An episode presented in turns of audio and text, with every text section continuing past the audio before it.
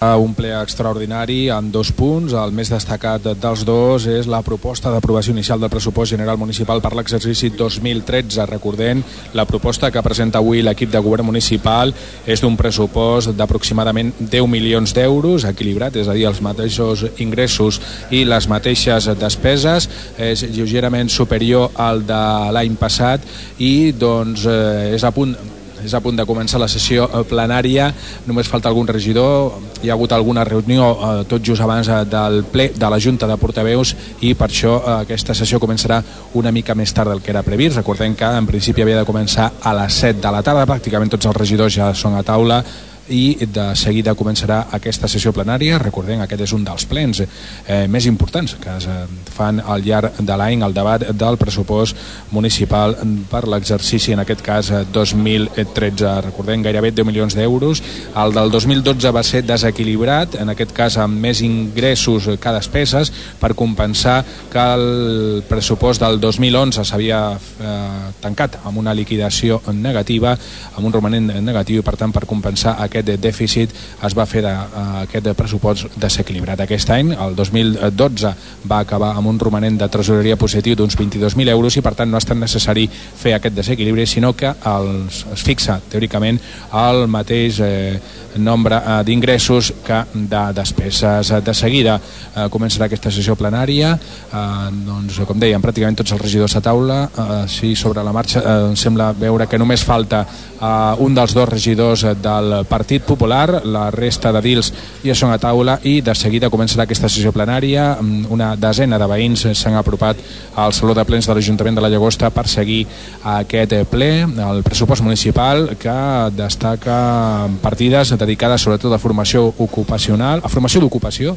eh, també a acció social, gent gran i joventut, però sobretot amb un aspecte destacat a l'ocupació. L'Ajuntament de la Llagosta vol lluitar dintre, dins de les seves possibilitats perquè no afecti tant l'atur a la nostra localitat o com a mínim per donar feina a algunes de les persones que es troben en una situació més eh, precària. Un pressupost, eh, com deien, eh, d'aproximadament 10 milions d'euros, 9 milions 979.000 euros aproximadament i doncs eh, aquesta és la proposta que presenta l'equip de govern municipal per debatre en aquesta eh, sessió plenària que de moment ja va amb un retard d'uns 6 minuts aproximadament i que mm, de seguida començarà l'altre punt eh, abans d'aquesta proposta d'aprovació inicial del pressupost general municipal per l'exercici 2013 és donar compte de l'informe d'avaluació de compliment dels objectius que contempla la llei orgànica 2 barra 2012 del pressupost 2013 prorrogat del 2012. En aquest cas, aquest punt simplement serà donar compte i en principi no és previst que hi hagi ordre de de preguntes, en què no, no hi haurà la possibilitat que intervenguin els diferents portaveus dels grups municipals que hi ha a l'Ajuntament de la Llagosta. Eh, com deien, aspectes importants d'aquest pressupost, eh, partides destacades, les que fan referència a ocupació,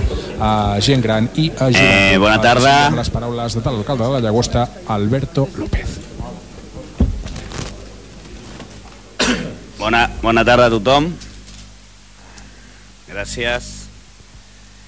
Donem per aixecar de la sessió d'avui 12, 12 d'abril de 2013 amb el ple extraordinari que començaríem pel primer punt que és donar compte de l'informe d'avaluació del compliment dels objectius que contempla la llei orgànica 2 barra 2012 del pressupost 2013 prorrogat del 2012 és donar compte eh, L'expedient ha estat a l'abast de tots els regidors i regidores aquests dies, però la regidora d'Hisenda farà una breu explicació de el que significa el donar, eh, donar compliment, el fer compliment d'aquests objectius que contempla la llei 2-2012.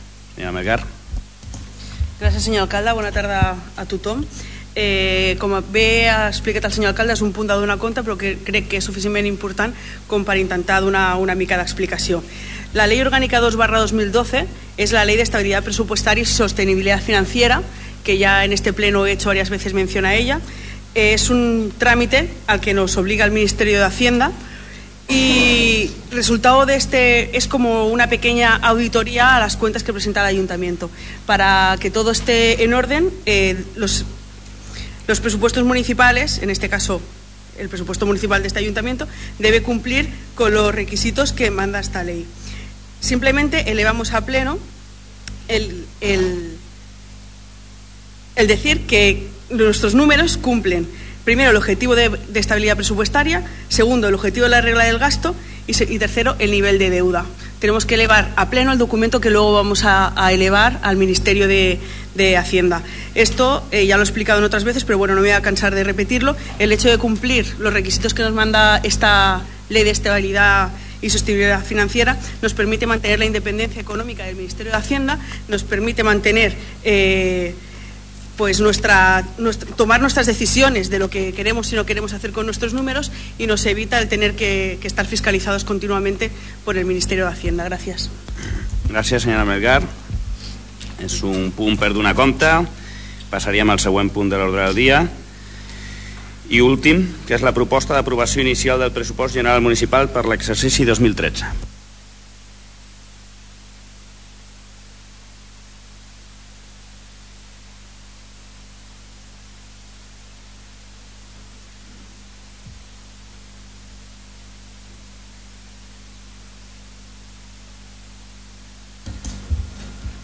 Bona tarda a tothom.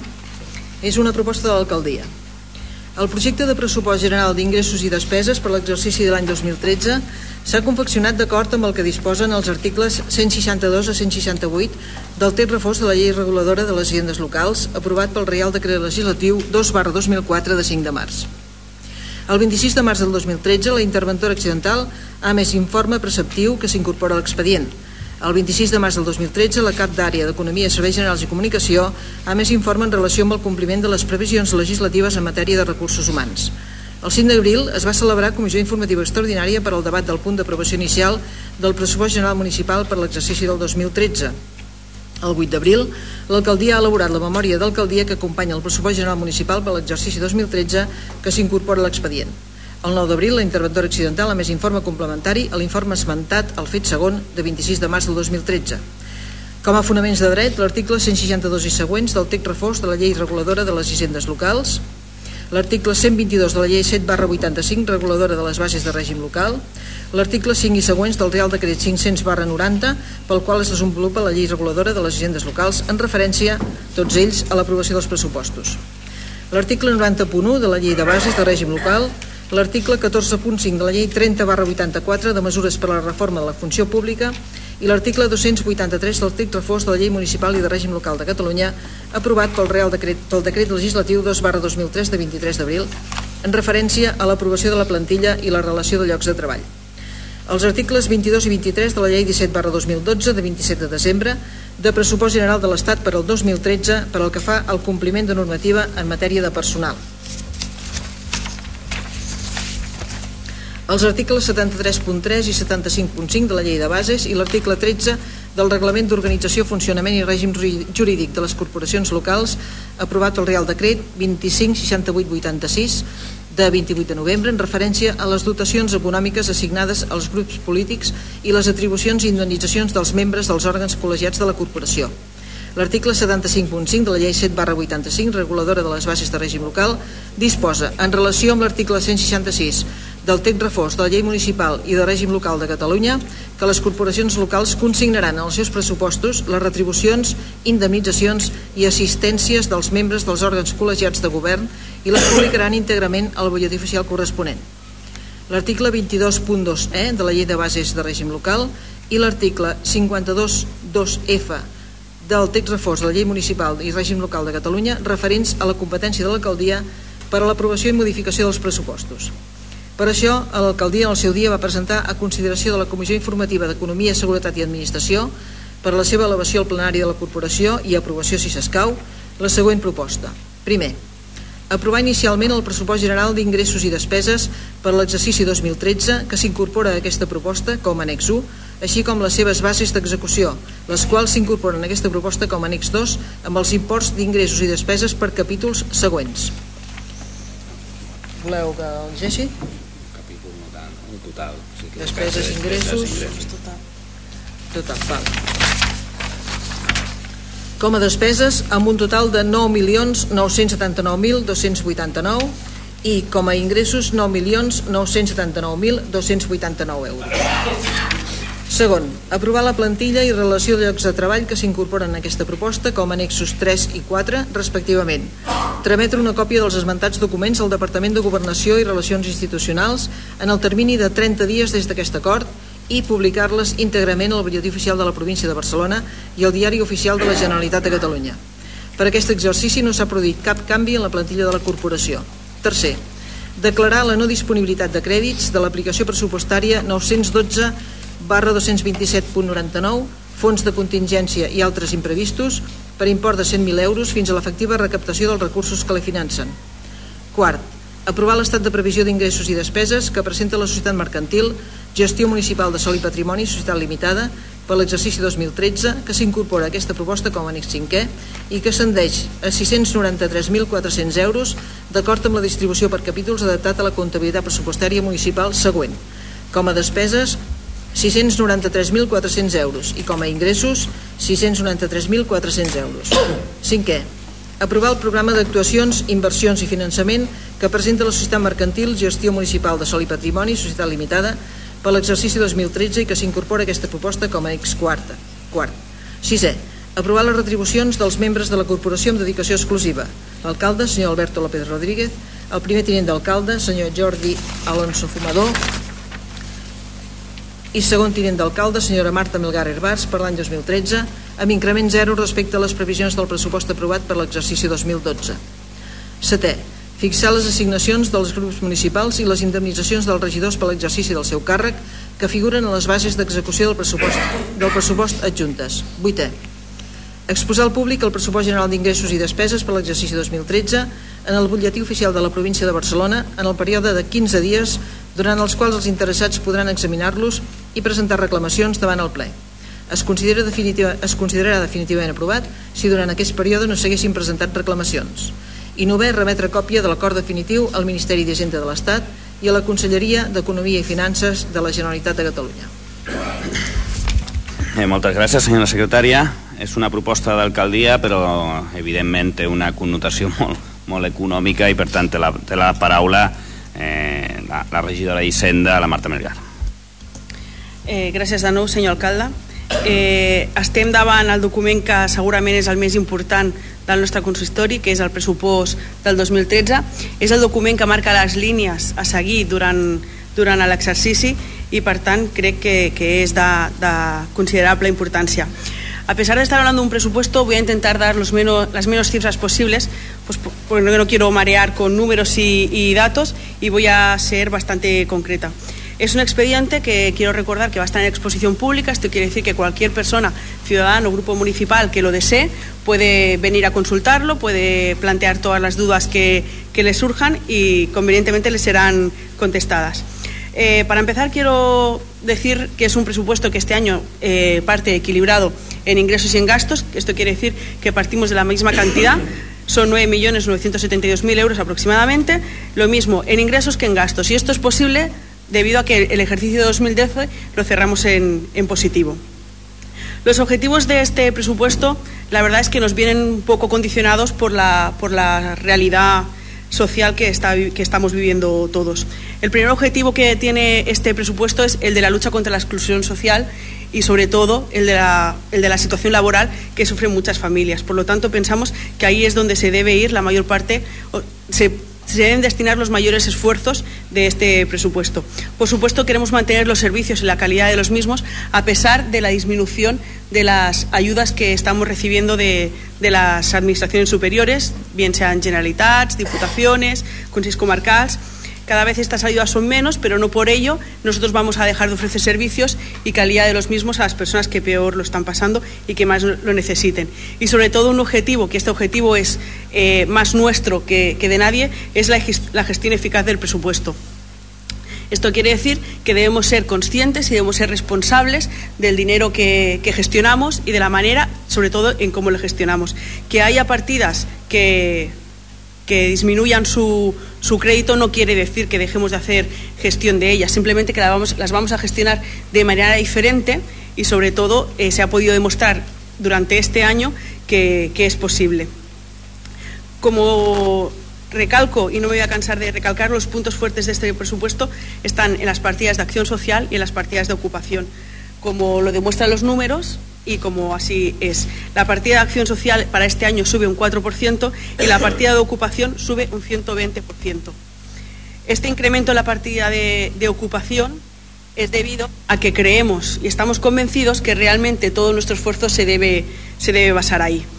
Otra mejora considerable y una apuesta fuerte de este equipo de gobierno respecto al presupuesto es la creación en, el capítulo de, de, gastos de personal de una partida que le hemos puesto el nombre de Plan Municipal contra la Exclusión Social y, y Laboral, que es una partida para crear puestos de trabajo. Cierto es que los planes de ocupación, como se conocen, vienen dados por la Generalitat y por la Diputación y las ayudas que se van a recibir de ellos van a ser cero. No vamos a recibir ayudas. Por eso nos negamos a que esto se quede así y utilizamos nuestros propios recursos para crear nuestros planes de ocupación, entre comillas, eh, propios de nuestro municipio. Soy consciente desde que promoción económica y desde acción social se está trabajando todo un reglamento para eh, poder gestionar de la mejor manera todo este dinero y poder ayudar a todas aquellas personas pues que están a punto de acabar un subsidio o no lo tienen o para complementar a aquellos que le faltan pocos días de cotización para poder acceder a una ayuda. Este, esta bolsa que parte con 43.000 euros, pero que seguramente se podrá ir ampliando a lo largo del ejercicio, eh, será destinada única y exclusivamente para, para ello. Quiero recordar también que el presupuesto que estamos aprobando hoy es un documento vivo. Esto, esto, quiere decir que tendrá que sufrir adaptaciones a lo largo del ejercicio según la realidad de cada momento. Por eso es muy probable que empecemos a escuchar en los próximos plenos modificación, de la palabra modificación presupuestaria. No quiere decir que lo que estamos haciendo ahora esté mal, sino simplemente querrá decir que estamos haciendo una previsión de cómo va a ser nuestro ejercicio y, por tanto, tendremos que ir adaptándolo. Eh, para acabar mi intervención, quiero agradecer a todas las personas que han hecho posible que este presupuesto hoy se esté gestionando. El hecho de que partamos de un presupuesto equilibrado no es labor solamente del Departamento de, de Hacienda, también es gracias a todos los a todas las áreas del ayuntamiento que durante el ejercicio 2012 hicieron esa buena gestión de, de los créditos que tenían en sus partidas. Quiero agradecer a todos los grupos municipales que se han acercado y han tenido interés en ver los números y han colaborado con aportaciones y han, y han trabajado codo con codo con, con quien les está hablando ahora para que este presupuesto hoy eh, salga adelante y salga de la manera en que, en que lo hace. Gracias. Gracias, señora Melgar. Obriríem un primer torn de paraules. Cinc paraules demanades. Senyor Macías. Moltes gràcies, senyor alcalde, veïns i veïnes de la Llagosta, eh, senyora, senyor regidor, senyora secretària, eh, molt bona tarda. Hem de deixar palès, en primer lloc, que tothom ho sabem, ho veiem, però estem en temps de crisi i els temps, els mesos, els anys, els, els, els anys de la bonança econòmica queden molt enrere i això ens obliga eh, a ser realistes una vegada més com ho venim sent des del principi d'aquesta legislatura. Realistes per continuar, com ha dit la regidora per continuar gestionant eficaçment els recursos. Realistes per continuar prestant serveis de qualitat i eh, recolzant i fent costat a les entitats, a les persones, a les empreses que, que tenim a la Llagosta realistes per presentar un pressupost que és un pressupost de caire social molt potent de caire social i que té dos objectius bàsics que és la prevenció i la lluita contra l'exclusió social i la prevenció i la lluita contra l'atur i més endavant en tot cas es pot eh, parlar una mica més del tema hem de deixar també palès des del nostre punt de vista mm, la bona gestió realitzada per la regidora de l'àrea d'Hisenda. Estem amb un pressupost d'estalvi en despesa corrent eh, molt ajustat amb, una, amb un estalvi del torn de 60.000 euros en despesa corrent. I això no és una feina fàcil perquè el que s'ha de fer és gestionar d'una altra manera, gestionar millor. I també estem amb un pressupost que fa un esforç de lluita contra l'exclusió social i de lluita contra l'atur que planteja una aportació directa de l'Ajuntament, no oblidem, directa de l'Ajuntament, sense anar a cap subvenció de vora 44.000 euros que, com ha dit la regidora, que devem que està a mesura que vagi anar l'exercici una bossa de 44.000 euros per la contractació de persones que estiguin en situacions, en aquest cas de risc i per la realització de tasques al municipi. En aquest sentit, s'està treballant el, el projecte perquè aquesta aquestes contractacions tinguin l'habilitació legal corresponent. Torno a dir que estem en temps de crisi i que els temps de la bonança econòmica han passat toca gestionar millor. Senyor Macías, senyora Gea. Senyor alcalde, senyora secretària, senyores i senyors regidors, públic present a la sala i totes aquelles persones que ens puguin estar seguint eh, via els mitjans de comunicació, molt bona nit. Mirin, um, nosaltres ens hem, hem preparat tres punts que volem tractar, però en tot cas, eh, com que el temps per intervenció està limitat, doncs anirem desgranant el que tinguem temps a cada punt i el que no, doncs acabarem en l'altre. Uh, estem sentint la regidora d'Hisenda i, el, i el regidor que ens ha precedit parlant doncs, de les magnificències d'aquest pressupost.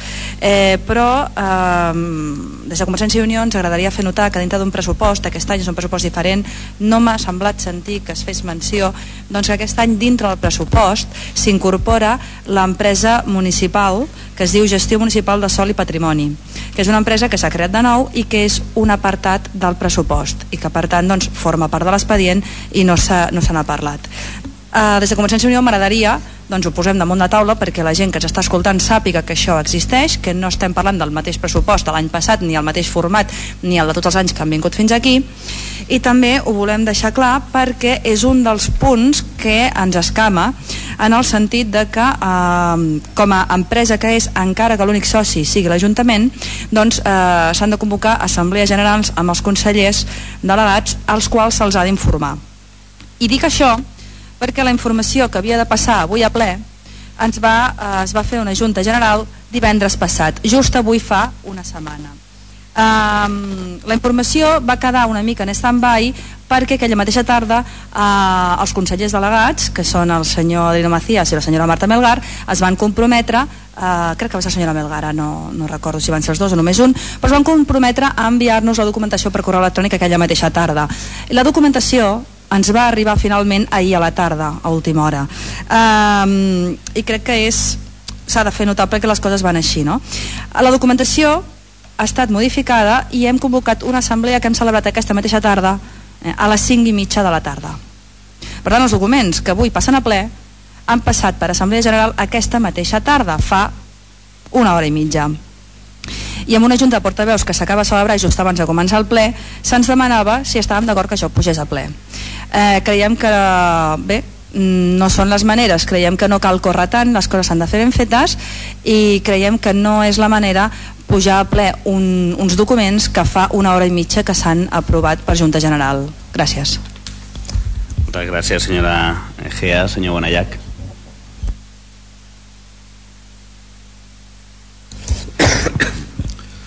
Bé, nosaltres, bona tarda a tothom i gràcies per l'assistència del públic que, que ha tingut a, a bé venir a la sala i els que ens escolten per, també per la ràdio, o sigui per internet.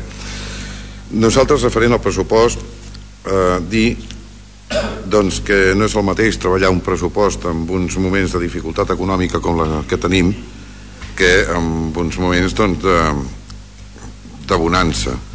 D'entrada, pràcticament hi ha coses que no sabem, no? ni si la Generalitat ens enviarà els diners, ni si ens vindran els que tenen de venir per part del, de l'estat espanyol o la Diputació. Hi ha coses que no se saben. Per tant, és un pressupost amb, amb més incertidumbre que mai i amb molt poc marge de maniobra.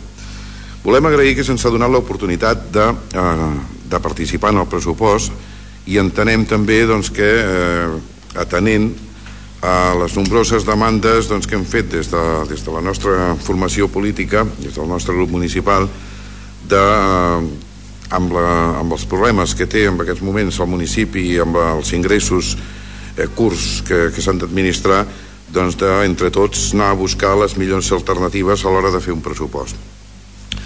Seguim doncs amb, amb observacions com poden ser eh, que la despesa de personal doncs és molt superior als impostos directes. Amb això doncs, també vull que tothom entengui doncs, que obrir la porta de l'Ajuntament és molt car. És molt car, hi ha uns, unes despeses fixes importants, però on sí, i ja no es tracta de, de fer un comentari sobre el pressupost, sinó sobre la gestió, es pot reflectir una, de, una disminució important sobre els interessos que es paguen amb la banca.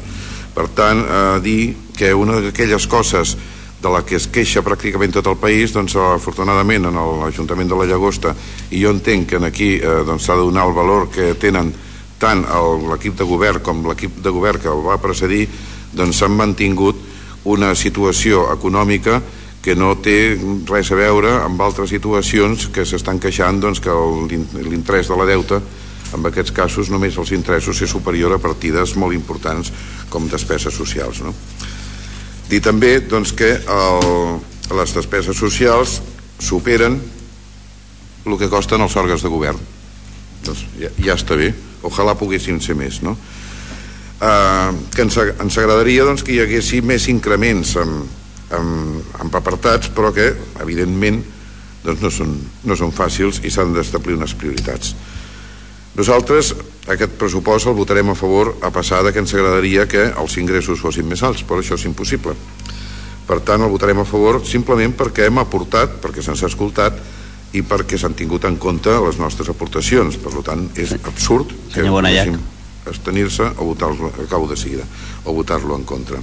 Eh, tant de seguida que ja hi he acabat. Gràcies. Moltes gràcies, senyor, senyor Bonallac. Eh, té la paraula el senyor Alonso. Bona tarda, senyor alcalde, senyora secretària, regidors i regidores i públic que ens estigui escoltant pels diferents mitjans. Jo seré molt breu. Eh, recalcar els tres objectius o els quatre principals objectius que ha mencionat la regidora d'Hisenda, a la qual també em sumo a les felicitacions per la feina feta tant d'ella com de l'equip de tècnics, de personal tècnic de l'Ajuntament. Un, un pressupost pensat per lluitar contra l'atur i l'exclusió social, amb augment de pes en les partides d'ocupació i d'acció social per ajudar aquells qui més ho necessiten. Dos, el manteniment dels serveis a les persones i la seva qualitat. No s'ha tancat cap servei essencial, cap ni un, i es manté la qualitat dels serveis. Per tant, això és molt important. La ciutadania seguirà rebent aquelles polítiques públiques que generen eh, confiança i que generen eh, ajuts en aquells moments més difícils. Tres, una gestió eficaç dels recursos, es va explicar ahir, avui s'ha tornat a explicar, és important la gestió, ens ha permès anar reduint deutes i anar tancant en positiu i per tant aquesta política de gestió eficaç de recursos ha de continuar en aquest pressupost. I quatre, seguir fent costat a les entitats i a la ciutadania en general tenint en compte la situació de crisi que estem patint, per tant sent tots conscients de que aquelles aportacions s'han hagut de reduir, però mantenint, en col·laboració amb la ciutadania i les entitats, el mateix nivell de gestió i d'activitats que tenia el municipi.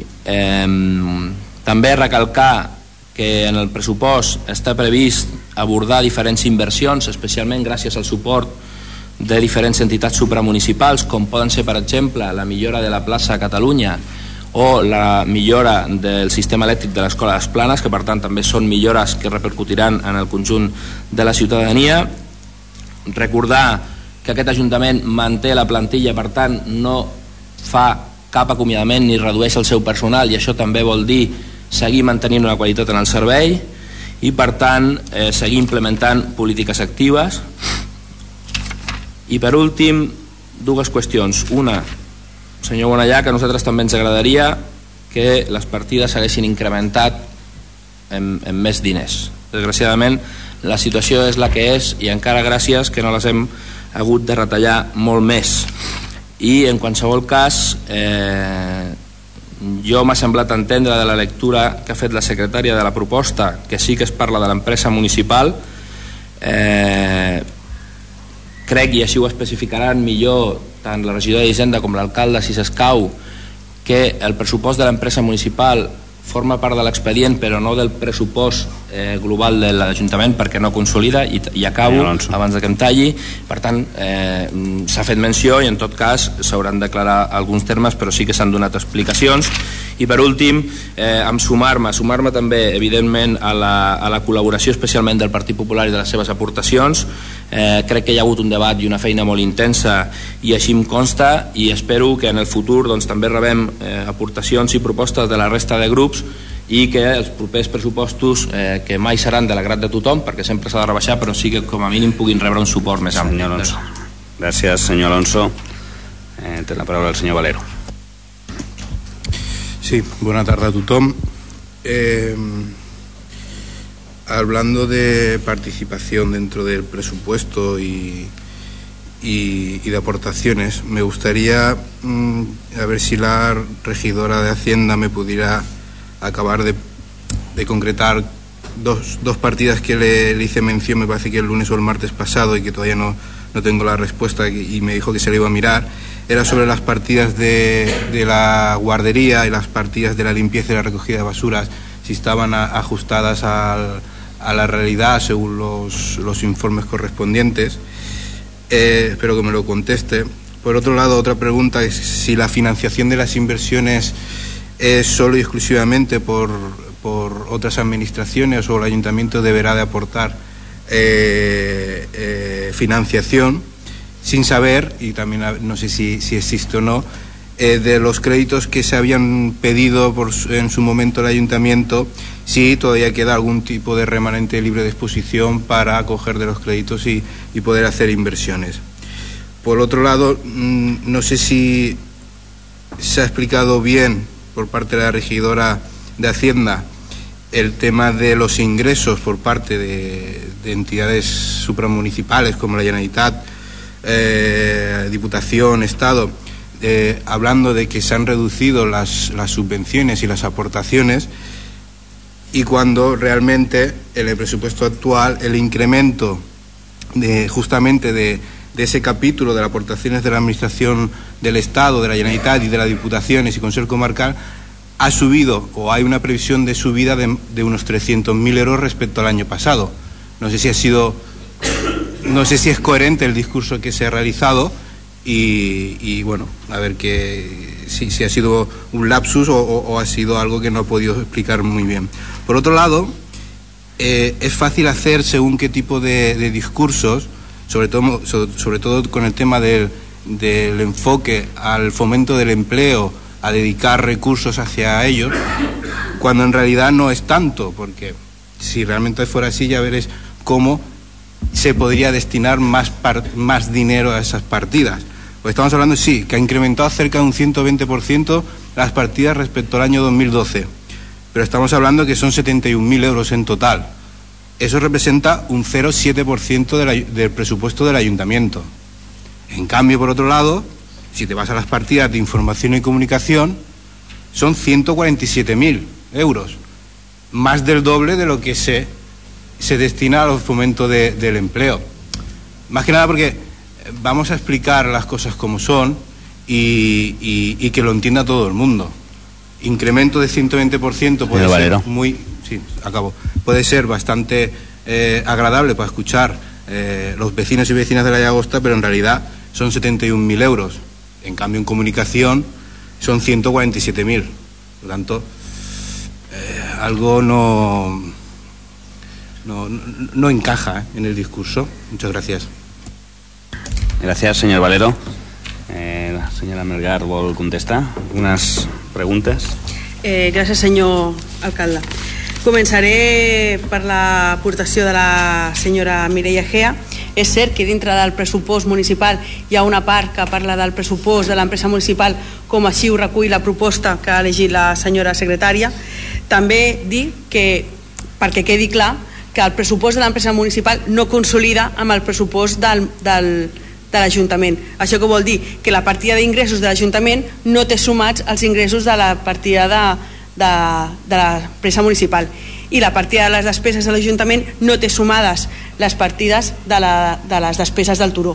Ni les té sumades ara ni les sumarà després, perquè són pressupostos que no consolidaran, perquè els ingressos de l'empresa municipal, com vostè molt bé ho deu saber, eh, provenen, del, provenen dels ingressos, en aquest cas, del complex esportiu al turó. Per tant, eh, s'aproven conjuntament perquè evidentment és una, és una societat que forma és a l'Ajuntament és l'únic administrador i per tant s'han d'aprovar els, els expedients conjuntament però és a títol informatiu, no consolida, en torno a dir. Eh, respecte de, de la documentació, és cert que ahir a la tarda, a les 6 concretament, vaig ser jo mateixa, i crec, no, va ser abans de les 6, va, van ser a les 5 aproximadament, que jo li vaig dir que hi havia rebut un nou correu electrònic on se li, se li adjuntava el nou document del, del PAIF, del Plan d'Acció i Inversió de l'empresa municipal, i també li informava de que aquest PAIF només recollia un canvi en el redactat, no en els números. Per tant, els números vostè sí que els ha pogut veure al Consell d'Administració que van fer el divendres. Aquests números no s'han canviat. Posteriorment, és cert que s'han rebut més números, però que eren només una ampliació dels números que, a més, a petició d'altres consellers que hi al Consell d'Administració, ampliaven la informació que ja es donava. O sigui que sí que és veritat que el document es va enviar ja a la tarda, un document que canviava redactat, també a petició d'alguns consellers i els números estaven intactes i així s'ha demostrat i els números continuen intactes vull dir que el que es va fer el divendres és el que s'ha fet ara respecte a, a, las preguntas que m'ha formulat el senyor Raúl Valero ¿usted está seguro que el martes cuando me hizo las preguntas no le contesté lo de la guardería? ¿segurísimo? seguro que porque ¿está seguro que no te expliqué que era la diferencia estaba porque en el presupuesto anterior habíamos contemplado una factura en diciembre del 2011 y la liquidación. Y que este año hayamos contemplado los 12 meses y la liquidación. Y que por eso este año el presupuesto era inferior. Eh, igual me falla la memoria, ¿eh? pero vamos, eh, estoy segura que, que se lo respondí. Además, usted estaba en la sala de juntas y yo fui allí y estuve un rato con usted. Es verdad que me estuvo formulando otras dudas del presupuesto y se las estuve formulando. La única que no le contesté fue el tema de las basuras, que le dije que bueno, que me lo tendría que mirar. Ya me lo he mirado y le tengo que decir que los números cuadran con los informes que ha emitido el ingeniero. Por lo tanto, no tengo ninguna duda de que, son correctos. No me mire con esa cara. Si es necesario, nos volveremos a mirar y, y ya está, y no tendré ningún problema. Eh, pero vamos, que, lo de la guardería se lo contesté. Y vamos a hacer honor a la verdad y reconozcalo que, fue así que se lo dije. Eh, en cuanto a las inversiones que, hacemos, eh, decir que las que pedimos de la xarxa ah, de municipios, estas vienen subvencionadas al 100%. La las, son unas inversiones que, como bien ha comentado antes el portavoz de Izquierda Unida, de, perdón, de Iniciativa Cataluña Verdes Izquierda Unida, eh, son subvenciones que se han pedido para mejorar la Plaza Cataluña, son subvenciones que se han pedido para mejorar la instalación eléctrica del Colegio de las Planas y son subvenciones y es una subvención que se ha pedido para mejorar el refuerzo estructural de la, de la nave de la calle San Lorenzo. Por otra parte, hemos recibido una inversión de 65.000 euros del, del PUOSC que es el Plan Único de Obras y Servicios de Cataluña, que esto nos sirve para financiar gasto corriente.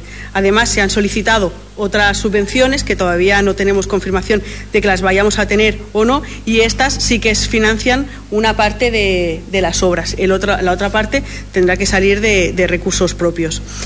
En cuanto a los créditos pendientes, eh, sí que es verdad que hay créditos pendientes de incorporación, son los, los, es el remanente de tesorería afectado, que como usted sabe, cuando el presupuesto esté aprobado, se hará una modificación presupuestaria para incorporarlos al presupuesto de este año y sí que servirán también para financiar inversiones, como, como ya sabe.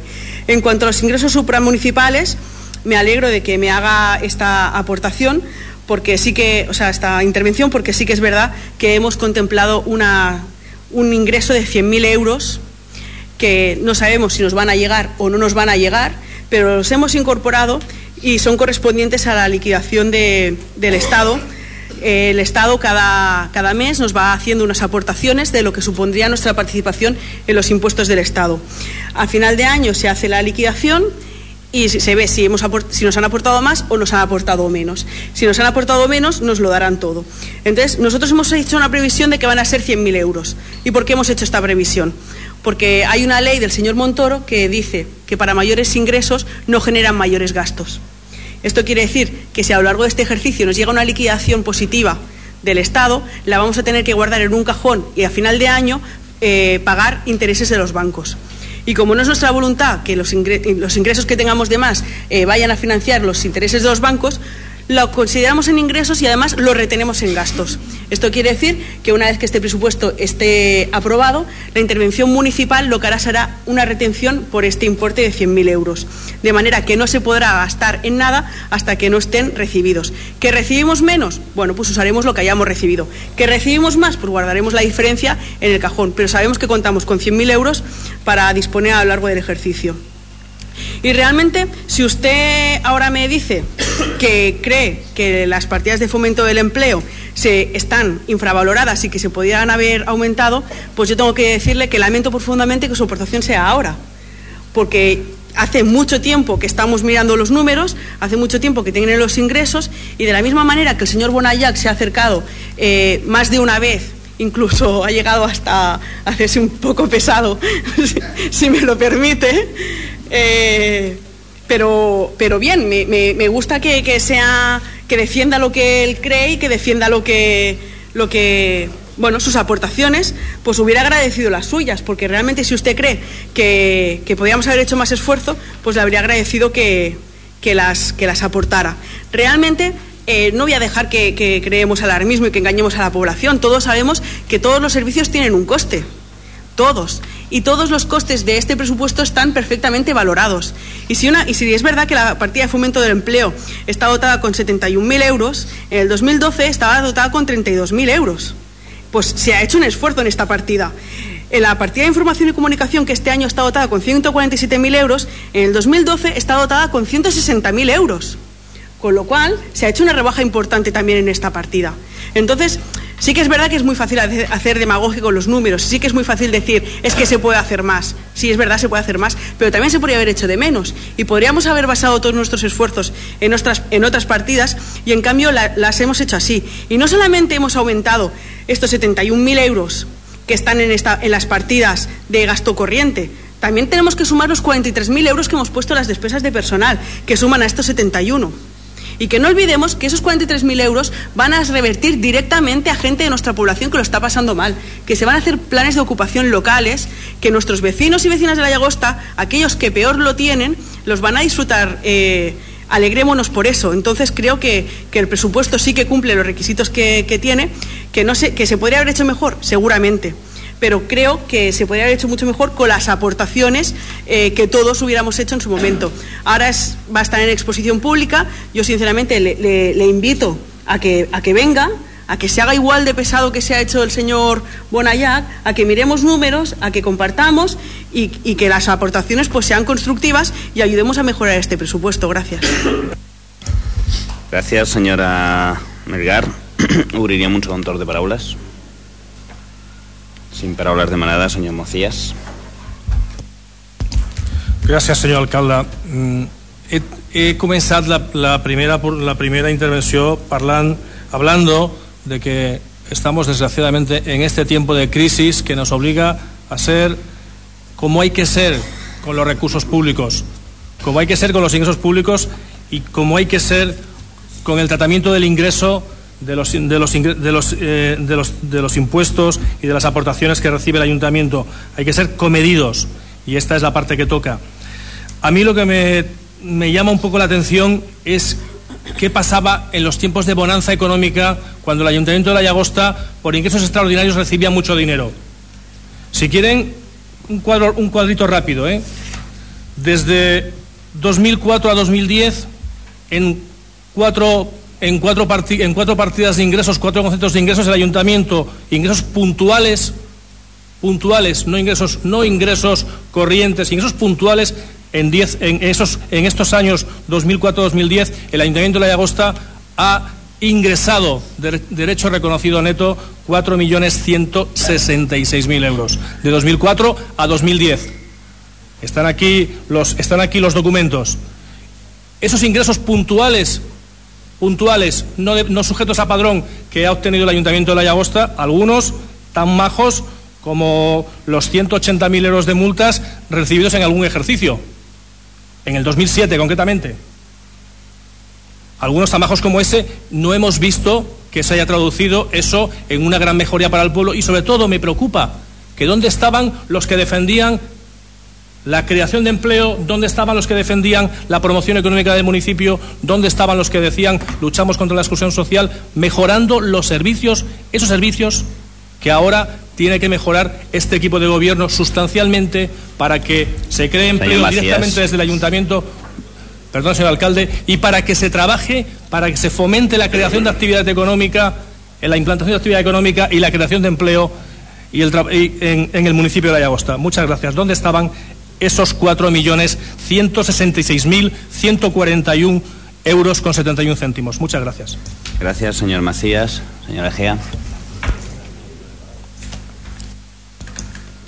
Sí.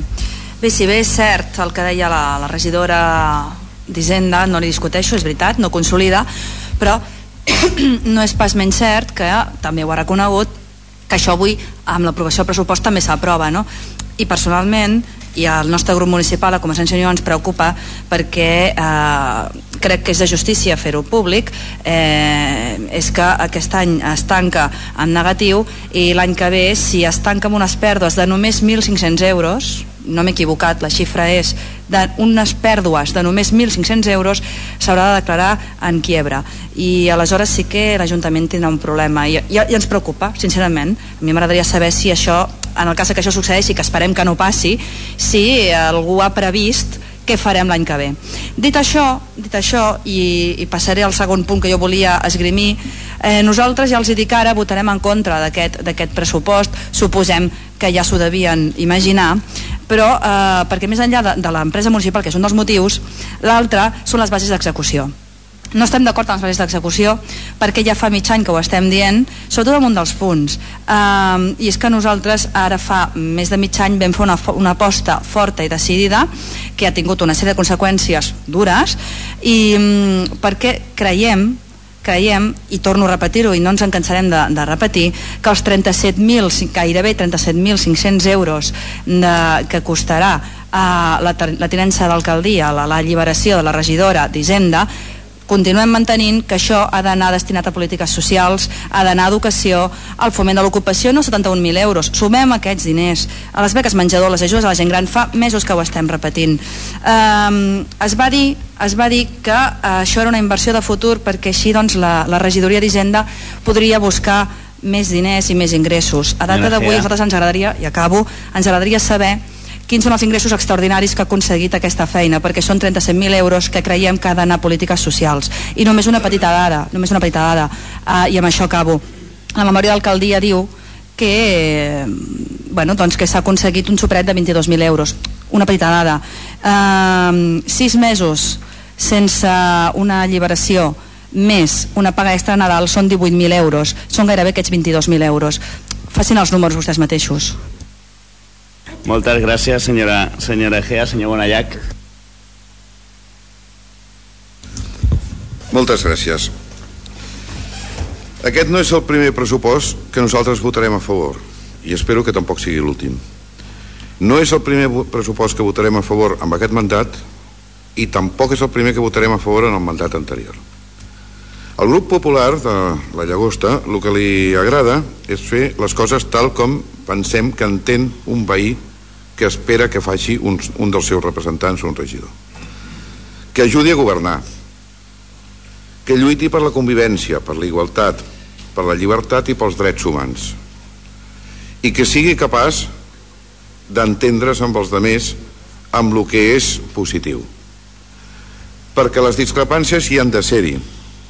I segurament aquest pressupost podria ser pitjor, amb, un, amb la situació econòmica que tenim, però també podria ser molt millor. Haig de dir també que no és el primer pressupost on se'ns convida a treballar, amb l'altre equip de govern també se'ns va convidar i també vam col·laborar. No tant, no tant, però també amb algunes coses vam col·laborar, perquè aquesta és la nostra forma d'actuar. Nosaltres volem que es respecti en el municipi el pensar diferent i per fet de pensar diferent no es té per què votar en contra res si les coses són raonables. Jo estic convençut que aquest pressupost que dic que podria ser pitjor però que també podria ser millor, amb l'aportació i l'agut, i jo crec que l'agut del Partit Socialista, i a més l'altre dia en una comissió els hi vaig dir, està obert a acceptar, que jo no discutiria cap de les seves propostes, m'encantaria que les incorporessin, i crec que algunes les han incorporat, d'haver treballat no solament de fer-me el passat amb la regidora d'Hisenda, sinó de que fent-se el passat. A mi m'hagués encantat que tant els socialistes que estan l'oposició com Convergència com el Partit Popular haguessin fet el passat i haguéssim estat treballant perquè el nostre poble pogués disfrutar del millor pressupost possible. Les coses es poden fer i les opinions es poden donar, tal com diu un amic meu del Partit Socialista, en Senyor, sentit positiu... Senyor ja estic. Negatiu o tòxic. Ser negatiu és bo, ser oposició és bo, perquè fa millorar. Ser positiu, per descomptat, és positiu. Però tòxic no es pot ser mai. Jo segueixo apostant, i el nostre grup popular segueix apostant, per no donar ni una sola opinió tòxica en aquest poble i seguir treballant per tenir un millor futur. Gràcies. Gràcies, senyor Bonallac. Senyor Alonso. Molt breument. Mm, tres petits matisos. Senyora Egea, mm, no m'ho podia imaginar que ens votés en contra el pressupost. Entre altres coses perquè vostès han fet dues aportacions en el transcurs d'aquests últims mesos en relació al pressupost. Una, i és cert, l'eliminació d'una dedicació exclusiva, cosa que en el seu dia ja hem manifestat i ho hem fet, que no estem d'acord, per tant l'hem mantinguda. L'altra, que el diferencial dels diners que ens estalviàvem del Vallès Visió anés a parar partides d'acció social i foment de l'ocupació. Crec que m'escreix. Per tant, home, si de dues li'n recollim una, com a mínim contemplin l'extensió, com a mínim. I en relació al Partit Socialista, i també ho intentaré dir allò con carinyo perquè no se m'enfade nadie, eh?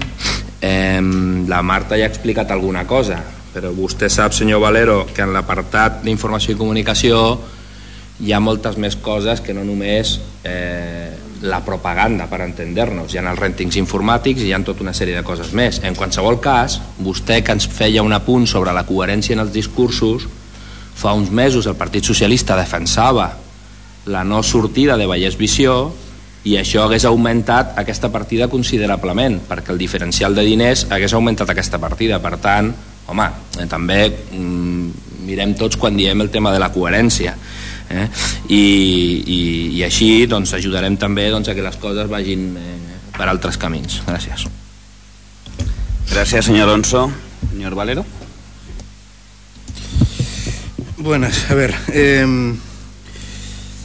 sobre el tema de las partidas de la Escuela Bresol, sí que es verdad que me dio la señora Marta Melgar esa explicación, pero esa es la pregunta a la de por qué se gastó 254.000 euros el año pasado. no los 236.000 euros para pagar a Pera Tarrés, porque ese es el coste que nos eh, supuso pagar a Pera Tarrés el año pasado sin el incremento de las cuotas de los papas y este año hemos incrementado, pues seguramente pues eh, se mantiene ese incremento de casi 40.000 o, 40, o 50.000 euros que aportarán los padres de más. Por eso digo de que es, esa partida yo creo que está un poco sobre, sobredimensionada, sin contar el pago extra que va a hacer los, los padres. Por otro lado, eh, los informes del ingeniero sobre el tema de la limpieza recogida de basuras no sube la cantidad que se establece en el presupuesto.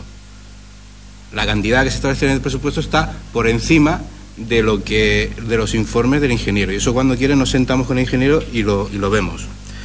Por otro lado, eh, es que eh, durante el 2004-2010 eh, unos ingresos puntuales del cuadro... Sí, pero fíjese, señor Adelino, el, en el año 2010 el Ayuntamiento de la Llagosta puso 250.000 euros para planes de ocupación, más, y eso estamos hablando de un 15% de, cuando estábamos en un 15% de paro cuando ahora estamos en un 22. Y además a más hay que recordar todos los todos los eh, personas que se incorporaron que estaban en el paro a las obras de, de, de, los fail y de los y de lo que vino del Estado. Independientemente de, de eso, lo que sí que no puedo Señor Valero. Eh, encontrar. Sí, me permite, termino. El Partido Socialista, con el tema de Bellevisión, se abstuvo y se dijo que durante el 2013 se casi se va a pagar lo mismo que si no estuviéramos dentro del Valle Visión. Y es así. Y no puedo ser pesado como si nos llama Bonayac, porque él no trabaja, digamos, no tiene un trabajo, y yo estoy trabajando. Por lo tanto, seré pesado fuera de mis horarios de trabajo. Muchas gracias. Muchas gracias, señor Valero. Eh, senyora Melgar. Bé, aniré contestant una mica per, per ordre. Respecte a, a les aportacions que ha fet la senyora Mireia Egea, dir-li, bueno, li torno a dir una mica el que li he comentat abans al Raül Valero. És una llàstima que si entre tot el pressupost vostè l'única cosa en la que no estava d'acord eren les bases d'execució, doncs crec que també ha tingut temps suficient per dins-ho, per fer arribar-nos a les seves aportacions i bueno, potser doncs, hauríem arribat a un acord d'inclusió o no inclusió en les bases d'execució. Respecte a la meva alliberació en concret, que veig que continua sent tema de discòrdia, crec que jo no sóc la persona adequada per dir-li si estic aportant o no estic aportant, els resultats estan i els resultats es continuaran veient i quedaria molt pedant si jo fes aquesta valoració. Per l'altra part, eh, la liquidació és positiva, sí, però és que quin inconvenient hi ha? Si no hem pagat la paga extra, si hem mantingut sis mesos sense alliberació, si, si, si, si, la conclusió és que la liquidació és positiva i sembla que això no ens està agradant. Però és que, quin problema hi ha? Per què hem de justificar que hem tancat un pressupost en positiu? Hauria de ser al revés. Ens hauríem de vanagloriar tots i estar tots contents de que hem aconseguit tancar un pressupost en, en positiu. Per què busquem excuses de per què ha passat? Ha passat i punt. I està fet, i això són números i són xifres que no ens, no ens avalen nosaltres com a equip de govern, ens avalen tot el poble de la Llagosta. I no sé, jo sincerament l'opinió que tinc és que a alguns els hauria agradat més que, que, la, que la liquidació hagués estat en negatiu. Bueno, doncs no, no ho ha estat, ha estat en positiu per tots els factors que, que, que hi han hagut. Perquè també podríem dir i si haguéssim rebut totes les aportacions que havíem de rebre i no les hem rebut, encara seria més positiu. O sigui que posats a, a imaginar imaginem per, pels dos costats. Si ha passat el que ha passat en negatiu però també si hagués passat el que hauria d'haver passat en positiu. Respecte al senyor Jaume Bonallac dir-li només una petita puntualització que em perdoni si li ha molestat el del pesat però ell des del carinyo i que ja sap que durant aquests dies pues, li he dit moltes vegades. Se, li he dit també comptant amb que, amb que no, li, no li sabria greu.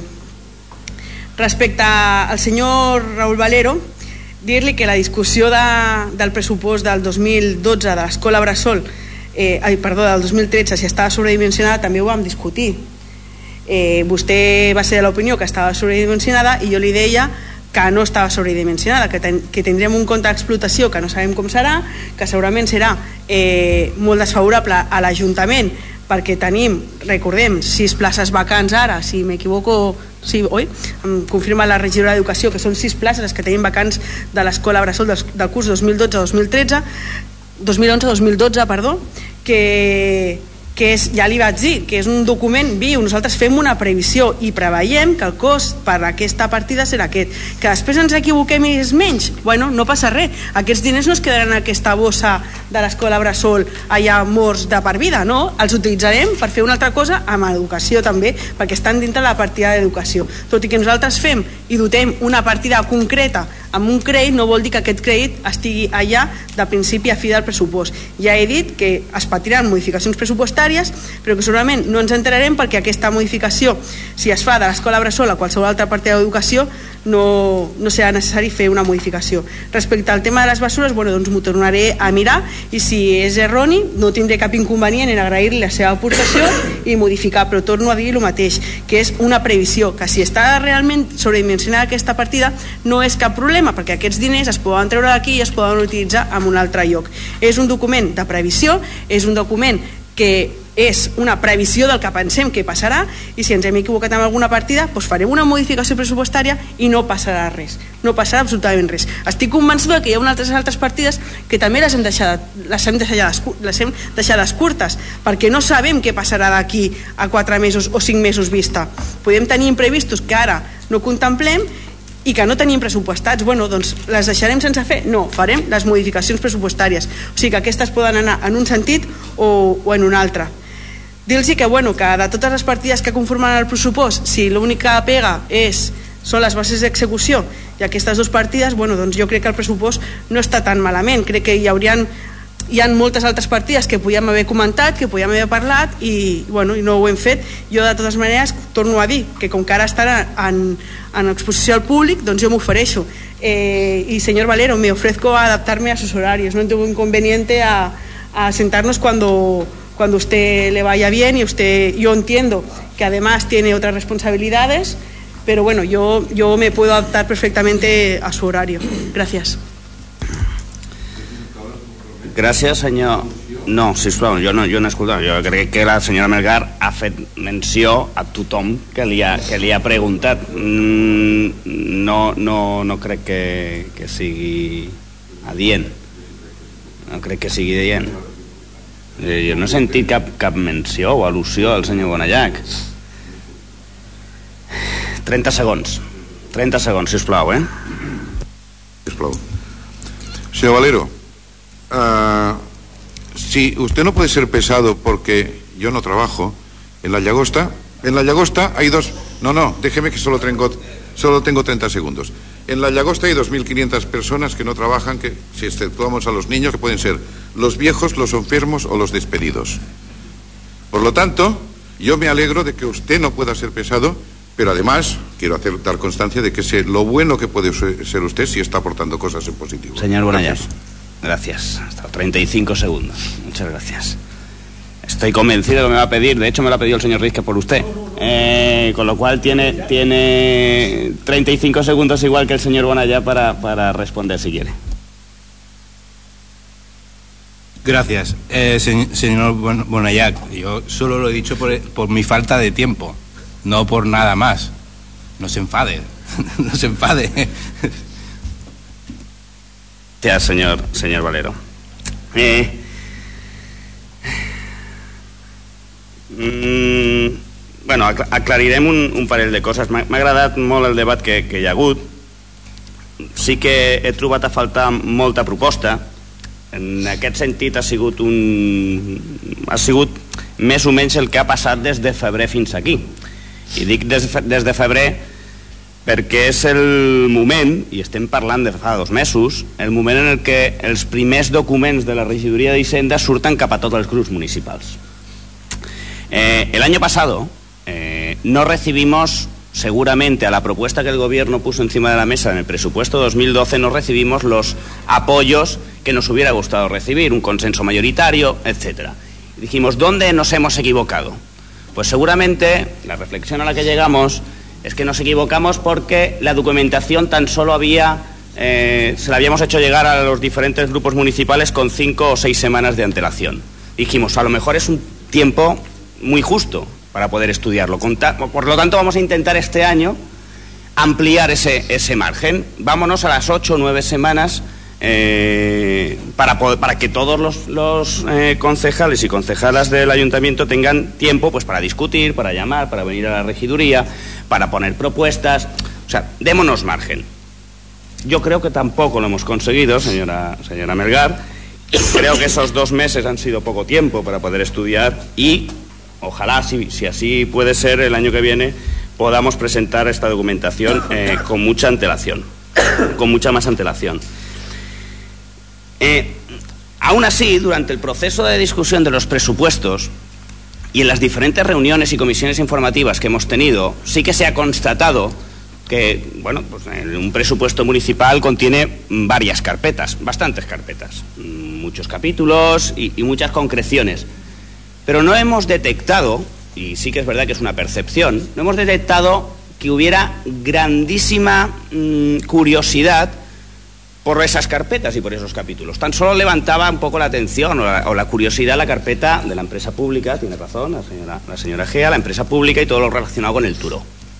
Ante esto, evidentemente, y después de constatarlo durante varias reuniones, eh, yo, yo, que les hablo, pregunté a, los miembros de la comisión informativa, creo que fue este martes pasado que tuvimos la, la última comisión informativa, eh, hombre, que dado que de 10 o 12 carpetas tan solo había levantado la, la, atención, había llamado la atención tan solo una, entendía que era un presupuesto que no iban a votar en contra, porque si no había propuestas y no había preocupación por el resto de carpetas, entendía que por lo menos una abstención podríamos, podríamos tener. Sigo confiando, sigo confiando, señora Gea ya ha explicado que votará en contra, pero sigo confiando que, que, mayoritariamente este presupuesto tendrá, o por lo menos no, no, será, votado, no serà votado en contra.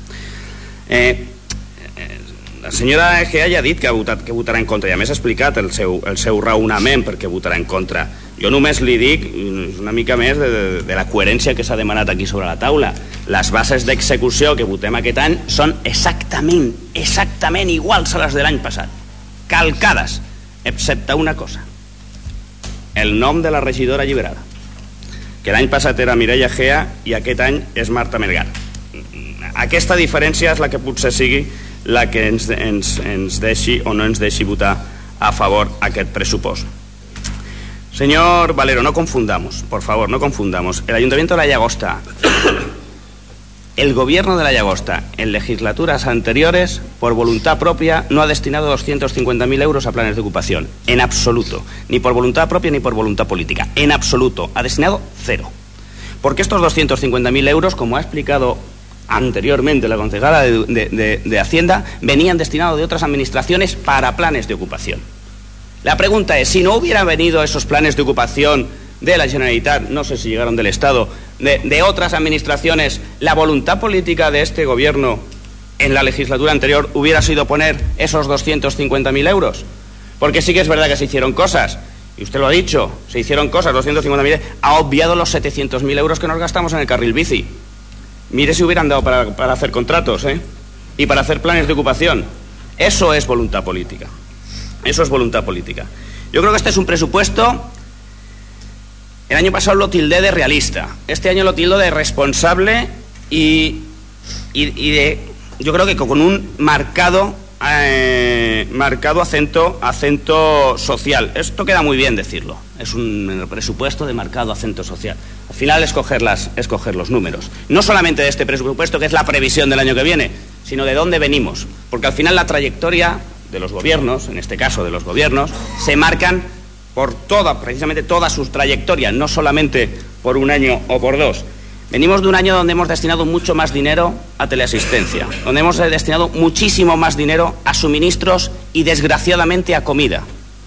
Desgraciadamente, porque es así de crudo decirlo, hemos destinado muchísimo más dinero a comprar directamente comida donde en la previsión para el año 2013 hemos destinado 44.000 euros aproximadamente para planes de ocupación, que eso se traduce directamente en contratos de trabajo.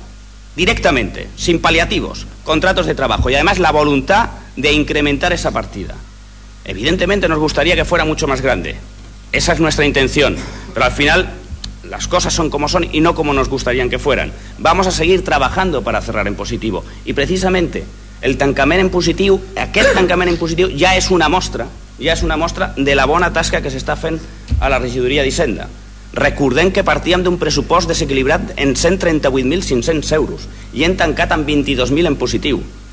Això ens genera a tots plegats, no només a aquest govern, a tots plegats, els regidors i regidores d'aquesta taula, a mantenir l'autonomia i la independència per poder gestionar els nostres recursos és molt important, molt important, ho ha dit la, senyora, la, la, la, la regidora d'Hisenda. Si us plau, no ens justifiquem per què han tancat vostès en positiu. Hem tancat en positiu. I això és una molt bona notícia. Ahir mateix, i no diré el joc per lleialtat institucional, un ajuntament de la nostra comarca aprovava un pla d'estabilitat per 10 anys, d'aquí al 2023. Això genera una bueno, un, un dèficit en la independència local. I això no és una qüestió de govern, eh? és una qüestió de tots nosaltres. Per tant, jo crec que hem d'estar força orgullosos d'haver tancat en positiu i que, de fet, una de les prioritats, o la prioritat del govern, és que any rere any puguem tancar en positiu. Allò que diuen no estirar més, més el braç que la màniga. No gastarem més del que ingressarem, això segur. I continuarem treballant per intentar marcar un pressupost amb un perfil molt responsable, intentant contenir la despesa, intentant que allà on tenim els recursos minsos, perquè és veritat que hi ha partides que tenen pocs recursos, intentar fer més, amb menys. Això és el paradigma de, de l'actualitat, no? Doncs, escolta, ho intentarem, ho intentarem. Només, només, demano confiança. Demano confiança perquè hem demostrat, aquest any 2012, hem demostrat que es poden fer les coses bé perquè s'han fet bé i això sí que és veritat que no, eh, els números estan aquí no es poden moure, s'han fet bé. Demano la confiança, entre altres coses, i també demano responsabilitat. Demano responsabilitat. Ahí mateix, y, creo que está bien decirlo, ayer mismo, en dos horas, en una red social se hicieron más propuestas o más tweets respecto al presupuesto que las propuestas que hemos recibido en dos meses por parte de algunos concejales de esta, de esta mesa. Les pido responsabilidad. No, no, les voy a decir qué tienen o no tienen que hacer en su vida privada, evidentemente, pero sí que, hombre, eh, de vez en cuando una llamada a la regidora de Hacienda para decirle, hostia, Marta, me parece que aquí podríamos incluir esto. Creo que una, una sola llamada de esas, una sola llamada de esas, bastaría para empezar a cambiar el, ritmo. Por tanto, creo que, que en ese aspecto mmm, presentamos un presupuesto que, como ha dicho la, señora secretaria, es un documento vivo que irá cambiando durante el año, que irá cambiando, que nuestra voluntad es reducir al máximo el gasto que podamos tener y sobre todo buscar ingresos, ampliar, ampliar la cantidad de ingresos y eso se hace pues buscando, buscando, buscando, rascando, pidiendo, reuniéndose, etcétera, etcétera. Y eso lo vamos a hacer, eso lo vamos a hacer. Creo que, que després del debat que ha sigut jo crec que força enriquidor per part de, de tots plegats eh, podem passar podem passar a la, a la votació de, de, del punt el torno a llegir que és l'aprovació inicial del pressupost general municipal per l'exercici 2013 vots a favor? Vots en contra? Abstencions? Doncs quedaria aprovat per 9 vots a favor un en contra i 6 abstencions. Dono les gràcies a tots plegats, a tots i totes els que esteu aquí i, i es tanca la sessió. Gràcies.